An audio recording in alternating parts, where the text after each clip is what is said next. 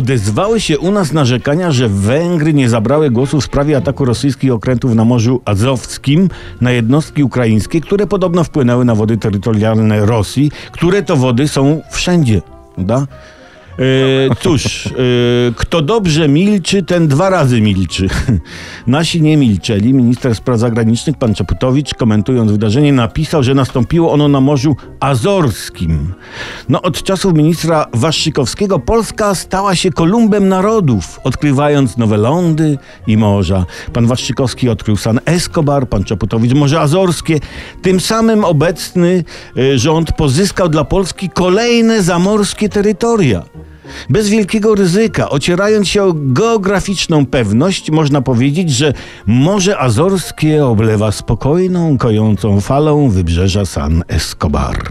Czekamy teraz na kolejne geograficzne odkrycia. Dowiemy się, że jest cieśnina Geringa, czy może Ochuckiego, Ryszarda Ochuckiego. No i ktoś zauważył, że e, co to za dziennikarze i komentatorzy, którzy zamiast poważnie analizować groźną sytuację, tam wyłapują jedynie przejęzyczenia. No jest w tym dużo racji, z tym, że od ministra spraw zagranicznych można, a nawet należy wymagać, by kontrolował to, co pisze.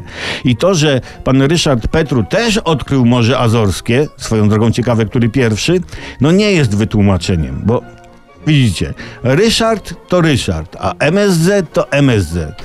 Ale może mamy fajne.